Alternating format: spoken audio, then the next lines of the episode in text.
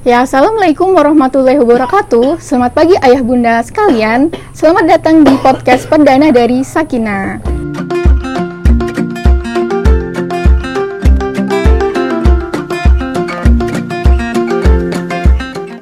Nah, di sini kita bakalan ngobrolin hal-hal menarik nih ayah bunda seputar parenting yang pastinya sayang banget nih kalau ayah bunda lewatkan. Jadi pastikan ya ayah bunda sekalian dengerin sampai habis.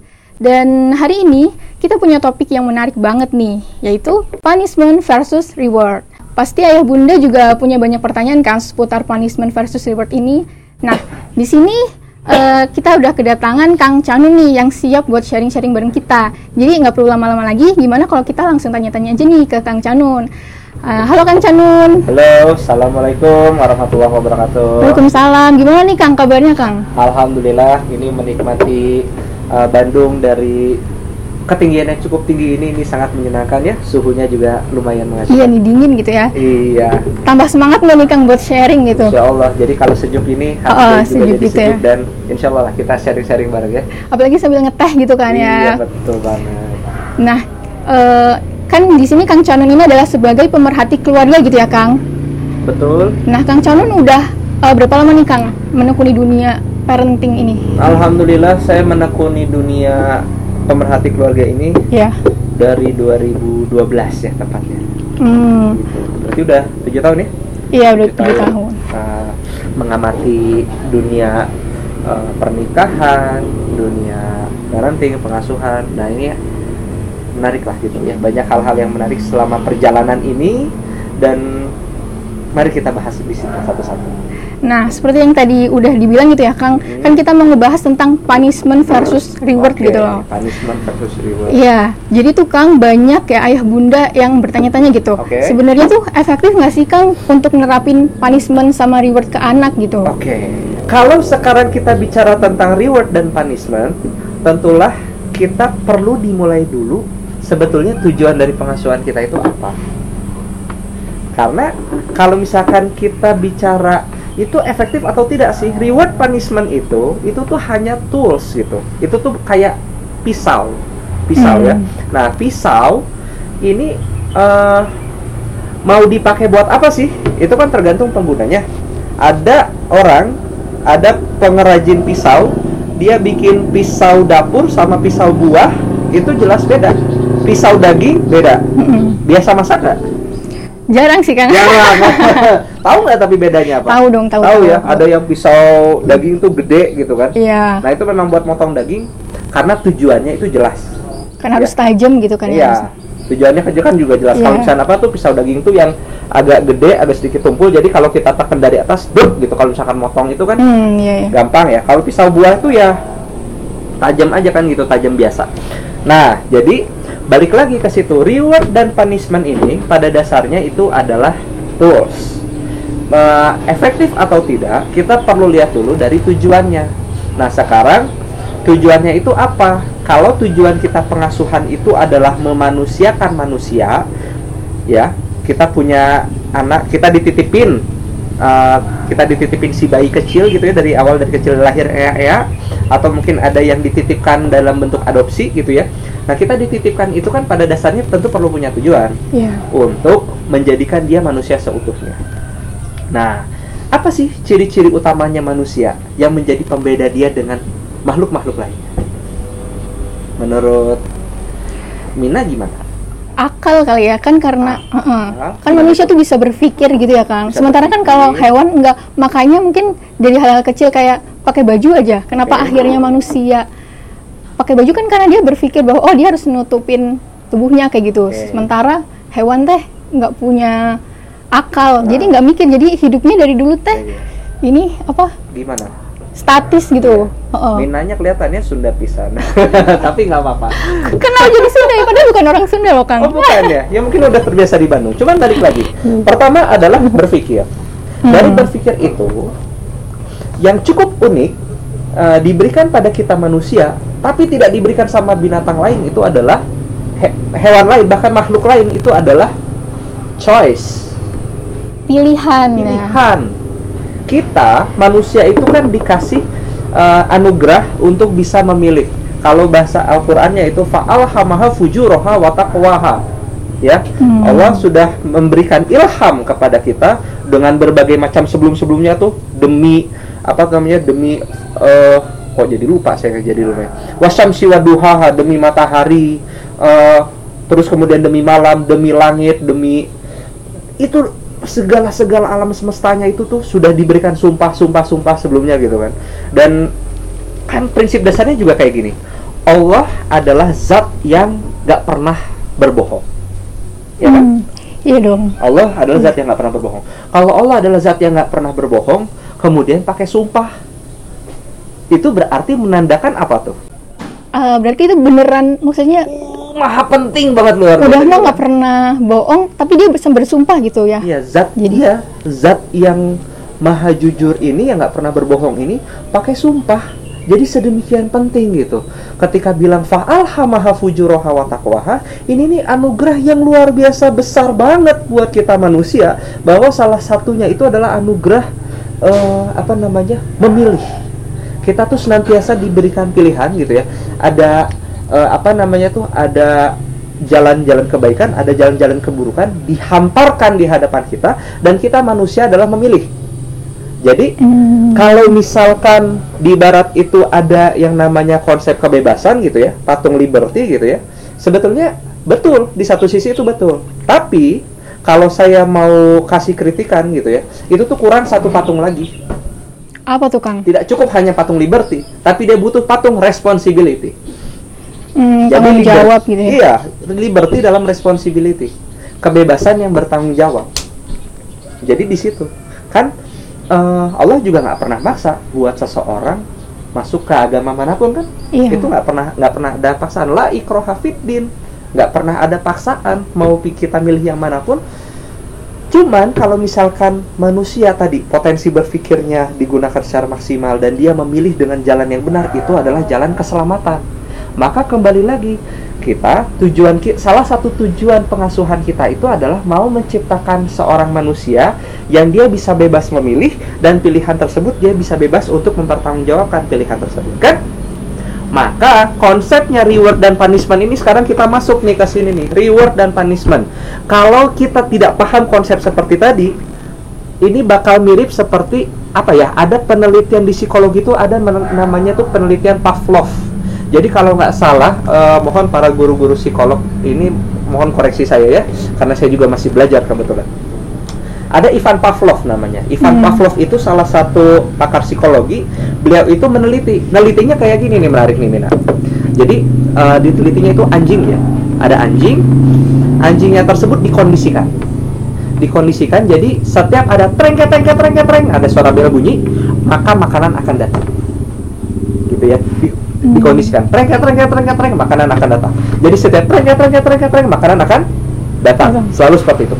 Nah, eh, yang cukup menarik adalah ketika treng treng treng treng makanan datang kan anjing kalau lapar berarti kadang-kadang liurnya netes Iya. nah Pavlov ini cukup menarik nih cukup menariknya itu dalam arti gimana kalau setelah itu dilakukan berwaktu-waktu tuh ya si treng treng treng treng itu makanannya nggak dikasih apa yang terjadi Bingung gitu anjingnya.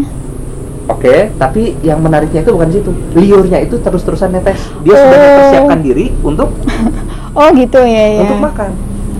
Dia sudah mempersiapkan diri untuk, untuk makan gitu. Jadi ini sudah condition gitu, condition condition behavior.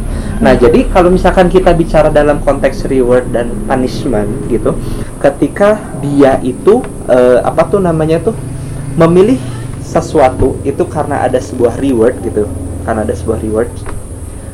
eh, kira-kira dia bakal jadi tergerak tidak kalau misalkan tidak ada rewards? Enggak. Dia bakal kepatok sama rewardnya itu kan. bisa jadi bakal Iya. terpatok sama rewards. Nah, atau kadang-kadang kebalikannya juga.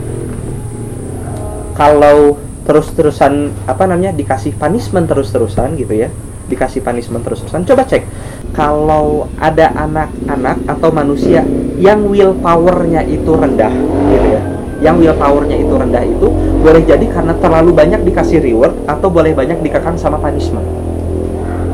Oh iya ah, saya mau gerak melakukan itu kalau ada reward itu. Aduh, saya dipaksa melakukan ini karena punishment yang seperti ini. terkadang terkadang di satu sisi ini menimbulkan kalau terlalu ekstrim ya reward dan punishmentnya terlalu ekstrim ini akan akankah menimbulkan jiwa kebebasan memilih dan pilihan yang bertanggung jawab Hmm. Enggak sih. Enggak juga. Tapi berarti bukan apakah berarti kita jangan pakai reward dan punishment sama sekali?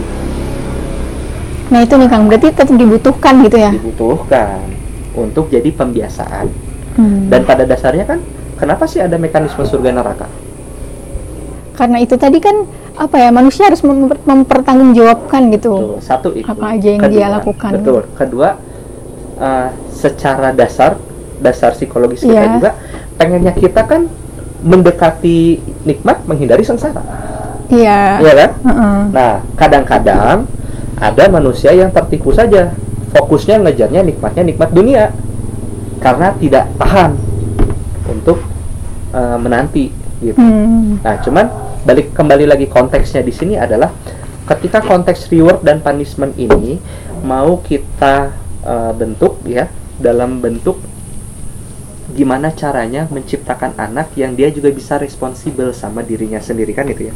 Nah, maka reward dan punishment ini eh, pertama kalau kita mau efektif itu pertama tidak bisa sesuatu yang sifatnya itu eh, karena emosi kita. Ini saya bicara punishment dulu ya Hmm, iya, iya. tidak bisa sesuatu itu misalkan karena emosi kita misalkan eh, saya lagi marah sama anak saya sekarang ini gitu misalnya gara-gara mecahin kaca terus tiba-tiba eh, saya bilang sama anak potong. Apa tuh? Potong bulanan.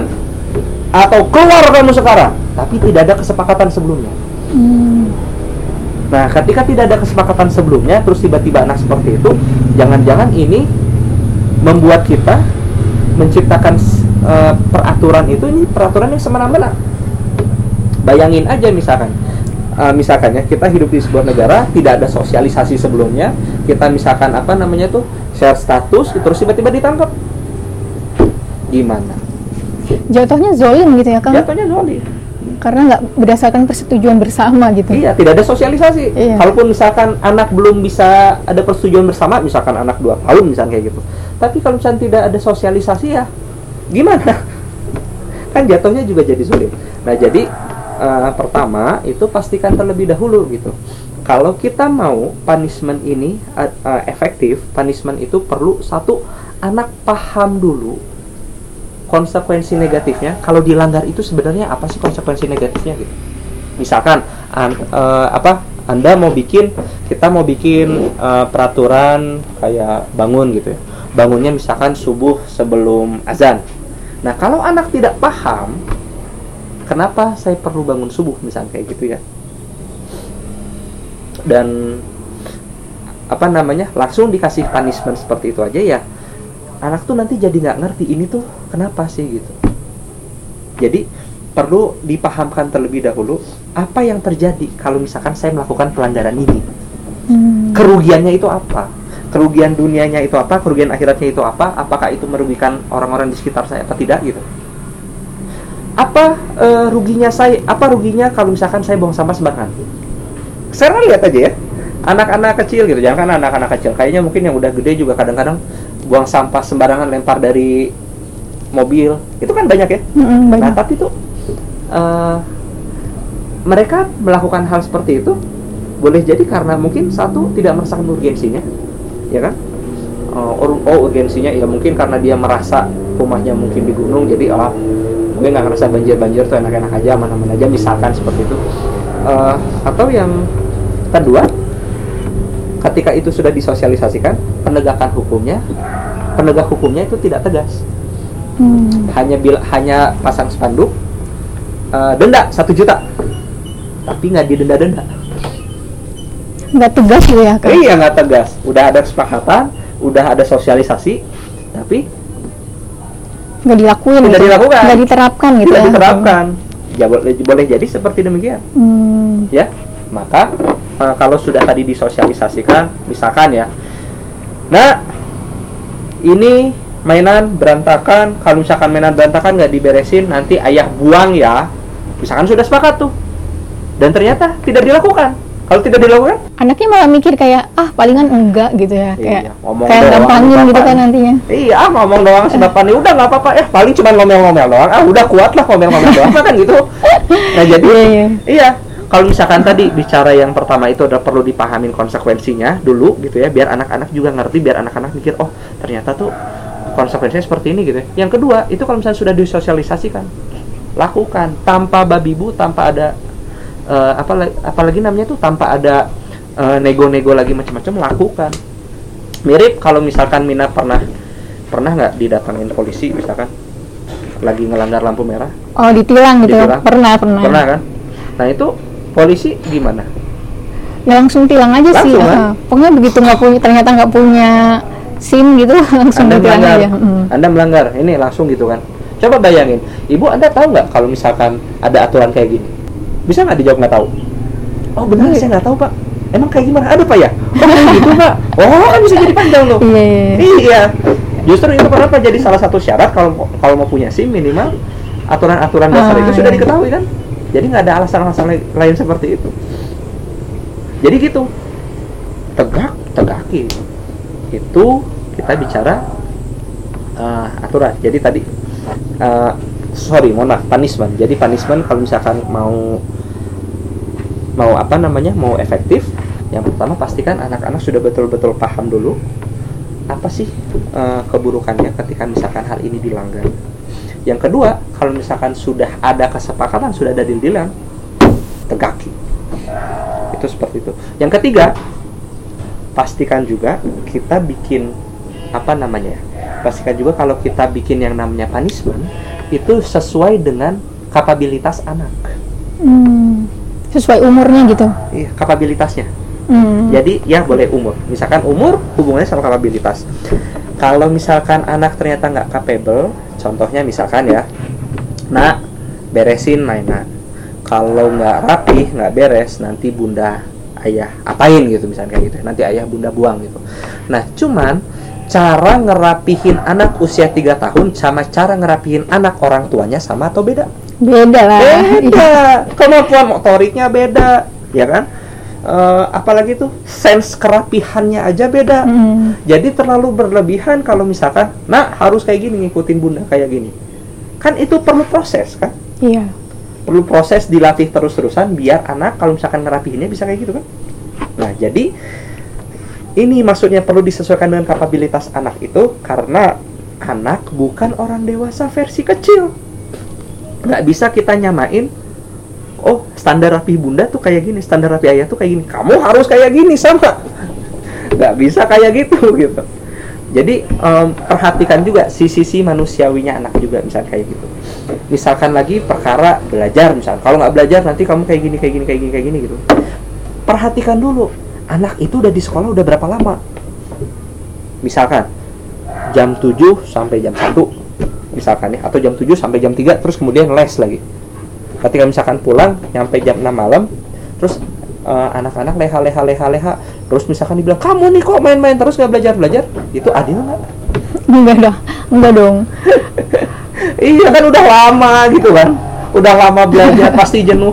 Ya bayangin aja kalau misalkan ayahnya terus-terusan kerja di rumah juga kerja suka emang orang tua? Enggak juga lah. Enggak juga. Kan pasti juga pengen relax gitu kan nggak bagus juga terlalu bagus-bagusan kayak gitu. Terlalu terus-terusan seperti itu. Segala sesuatu yang berlebihan seperti itu kan pasti tentunya juga tidak baik. Nah maka hal-hal seperti itu yang ketiga juga si sisi manusiawinya itu perlu dilihat juga. Sesuaikan dengan kapabilitasnya anak eh, bikin aturannya itu yang sesuai yang jelas gitu yang punishment itu yang sesuai yang jelas. Seperti itu. Itu jadi kita bicara tentang punishment Mm-mm. yang efektif itu seperti itu. Tapi ngomong-ngomong kenapa kita ngomongin dulu punishmentnya? Nggak rewardnya dulu Kenapa kita bahas punishment dulu? Karena yang nggak enak dulu gitu ya Kang. Baru enak. sebetulnya bukan Oh bukan gitu. Jadi prinsip pemikiran kita tentang punishment itu bukan kita mau ngasih sesuatu yang tidak enak tidak enak bukan gitu bukan gitu Hmm. jadi kalau kita lihat dan kita pelajari juga nih dari apa namanya nih dari kaidah Islam ini luar biasa indah ya coba lihat segala sesuatu ya sebenarnya lebih banyak mana sesuatu yang dihalalkan atau sesuatu yang diharamkan yang dihalalkan. lebih banyak itu Iya, lebih banyak yang dihalalkan. Jadi sebetulnya itu kalau nggak salah kalau sempat saya baca-baca buku itu ada kaidah fikih itu segala sesuatu itu asalnya boleh sampai ada sesuatu dalil yang mengharamkan. Tapi kebalikannya buat ibadah segala sesuatu itu diha- tidak dibolehkan sampai ada segala sesuatu dalil yang memerintahkan. malah ditunjukin kayak gitu. Hmm. Jadi makanya apa namanya uh, buat urusan ibadah tuh saklek banget gitu sesuai karena segala sesuatu itu nggak boleh sampai ada sesuatu yang uh, tata caranya gitu. Tapi untuk segala sesuatu balik lagi nih segala sesuatu hal yang uh, apa aja sih yang bo- dibolehkan di dunia ini yang kita lakukan? Kaidah dasarnya katanya gitu. Segala sesuatu itu boleh sampai ada Yang mengharamkannya. sesuatu hal yang mengharamkannya. Jadi sesuatu hal yang mengharamkannya itu kayak tadi punishment-punishment aturan-aturan itu itu tuh kayak semacam pagar. Hmm, Jadi yang kita iya. lakuin tuh boleh luas banget. Luas banget, boleh. Batasannya pagarnya kayak gini. Kalau pagarnya kamu loncatin, punishmentnya kayak gini. Sebenarnya hanya sesederhana itu. Hmm. Nah, kita jadi iya sama. Jadi ketika kita sebetulnya mau bikin punishment ke anak, yang kita pikirin tuh bukan sesuatu yang ruwet-ruwet, sesuatu yang gimana, tapi kita hanya ngasih pagar, ya. Pagar ini tujuannya buat apa? Pembatas gitu. Pembatas. Selain pembatas apa lagi? Nih, sekarang kita berdiri di lantai dua kan? Pelindung. Coba bayangin. Pelindung. Iya, iya. Bayangin nggak ada pagar. Bisa jatuh gitu ya. Gampang jatuh. Gampang. Jadi sebetulnya tujuan itu tuh pengaman. Hmm. Aturan itu pada dasarnya ya, itu tujuannya adalah untuk pengaman. Dan ketika kita bicara punishment, itu adalah ketika kita bicara konsekuensi dalam ranah untuk mendidik. Pada dasarnya di situ. Ya. Nah, jadi kalau bicara punishment balik lagi tadi. Kalau kita mau efektif, paradigmanya itu adalah paradig- paradigma seperti tadi. Banyak loh yang sebetulnya dibolehin. Nah, eh, mau main boleh, main mau main banyak-banyak boleh misalkan eh, apa namanya? Mau main mau main banyak-banyak boleh. Nontonnya kan misalkan habis habis apa gitu. Atau misalkan apa sih biasanya kadang-kadang eh, yang suka dibikin jadi hmm, kadang-kadang jadi punishment gitu.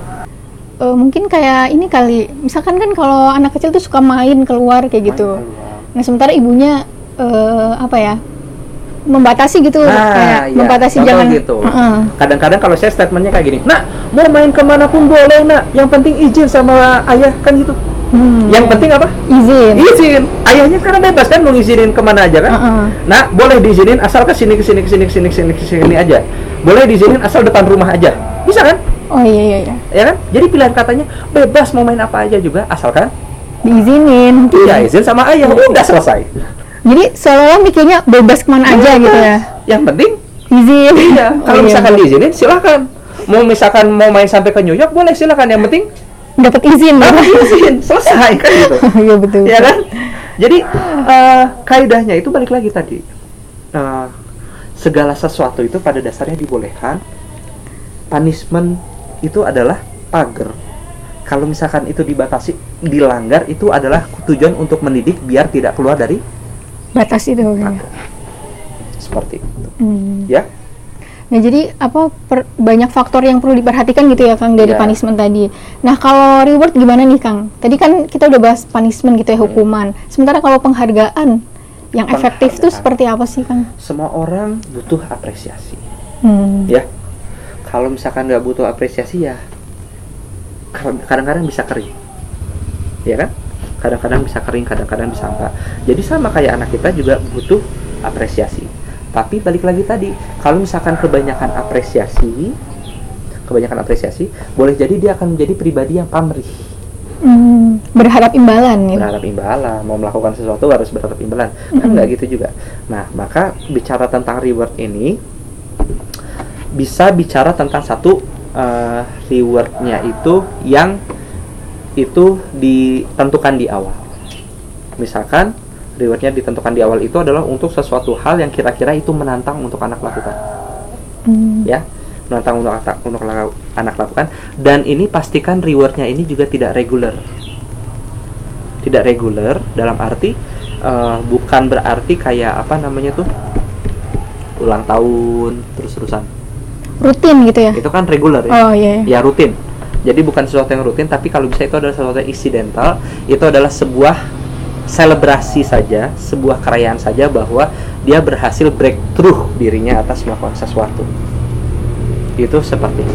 Itu seperti itu pada dasarnya. Jadi yang kita hargai itu adalah prosesnya dia untuk melakukan sesuatu dan tidak menjadi sebuah rutinitas.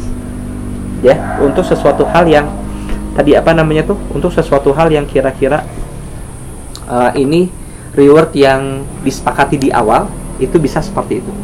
Dan yang kedua, bisa juga reward yang sebetulnya tidak disepakati. Anda boleh memplanning. Kita sebagai orang tua boleh memplanning. Wah, uh, apa namanya tuh? Dia nih lagi ujian misalkan gitu kan. Dia simpan aja dalam hati. Misalkan kalau misalkan dia lulus, oke okay, kan ku beri itu. Tapi kita simpan dalam hati ini biar seolah-olah itu jadi surprise. Jadi sebuah reward yang wow seperti ini ternyata ya nah jadi yang ini juga boleh gitu karena memberikan efek kejutan yang lebih bagus hmm. dan efek dan kenapa tadi bagusnya tidak tidak regularly gitu ya sesuatu hal yang regular itu boleh jadi menimbulkan ekspektasi kalau anak sudah terbiasa dikasih kado pada hari ulang tahun kadang-kadang itu bakal membuat anak jadi ekspektasi. Tiap ulang tahun pasti akan dikasih kado gitu ya. kado. sekali nggak dikasih kecewa gitu ya. kecewa. ya iya gitu. Nah tapi nggak apa-apa. Ini biarkan aja. Apa tuh namanya tuh? Anak itu jadi apa tuh namanya tuh? Eh, nggak uh, tahu gitu.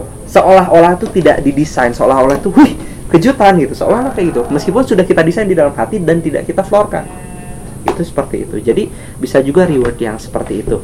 Nah reward yang uh, seolah-olah tidak di florkan dan prinsip-prinsip reward ini juga ya ketika kita bicara reward atau apresiasi yang kita appreciate itu bukan hasil.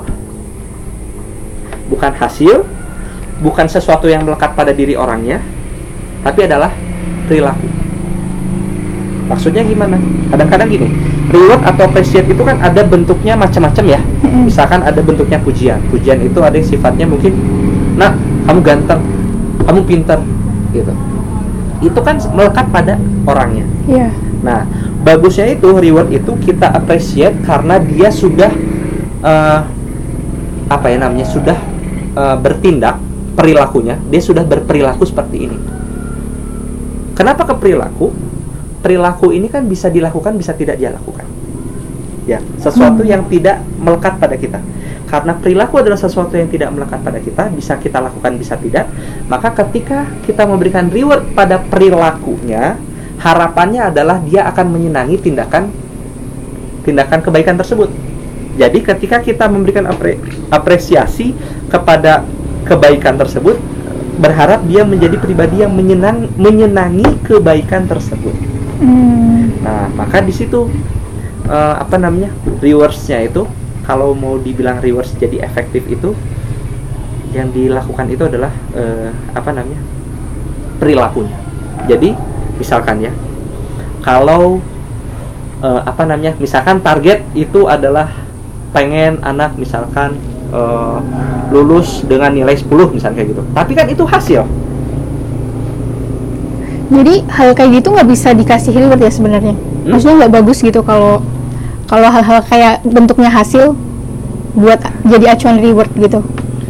Hasil buat jadi acuan reward itu bagus nggak apa-apa. Hmm. tapi yang namanya hasil itu kan di luar ya apa namanya? Kuasa di luar ya, kuasa ya. kan? Karena kadang-kadang bisa lupa kadang-kadang bisa gimana itu kan di luar kuasa. Kadang kadang-kadang apa lagi tuh namanya tuh uh, cara metode pengerjaannya mungkin berbeda gitu ya nah kalau misalkan yang sesuatu yang namanya hasil itu kan di luar kuasa kita tapi yang dilakukan sungguh-sungguh itu kan adalah sesuatu yang di, di dalam usahanya kita kan Nah, maka yang kita appreciate itu adalah sesuatu yang berada di dalam usahanya anak-anak. Hmm. Nah, gimana caranya? Misalkan ya, sekarang nilai misalkan 2, 3, 2, 3, 2, 3. Dalam waktu 6 bulan, kira-kira apa yang bisa kamu lakukan secara rutin sehingga nilai ini bisa naik? Hmm, jadi seolah-olah tuh hasil dari efek samping gitu ya? Hasil itu jadi patokan. Apakah usahanya itu efektif atau tidak? Oh, jadi tetap tetap akhirnya hasil itu penting. Iya buat kita tahu hmm. kita keep on track atau tidak. Oh, iya, iya. Kalau kita nggak tahu garis finish di mana, larinya kita bisa ke mana aja kan? Hmm, iya, nah, iya. Saya mau lari uh, sejauh satu kilometer, garisnya di situ tuh.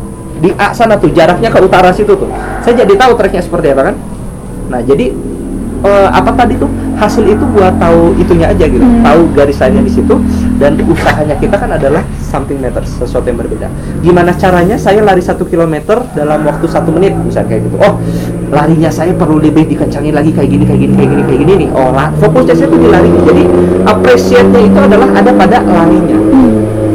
Saya sudah bisa lari uh, lim saya sudah bisa lari kira-kira uh, sudah bisa lari konstan itu um, 7 km per jam misalnya kayak gitu. Oh ini sudah sesuatu yang efektif atau belum? Kalau sesuatu yang efektif dan itu sudah achieve oke okay. rewards.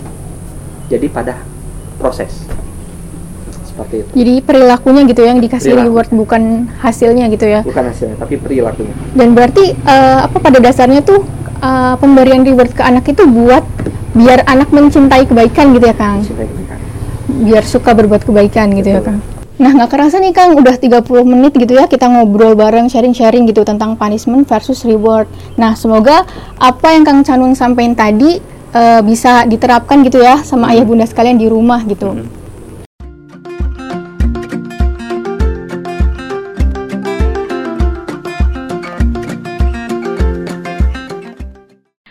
Oke ayah bunda, sekian podcast Sakinah hari ini. Terima kasih sudah mendengarkan. Jangan lupa untuk dengerin podcast Sakina setiap hari Rabu hanya di Spotify. Assalamualaikum warahmatullahi wabarakatuh.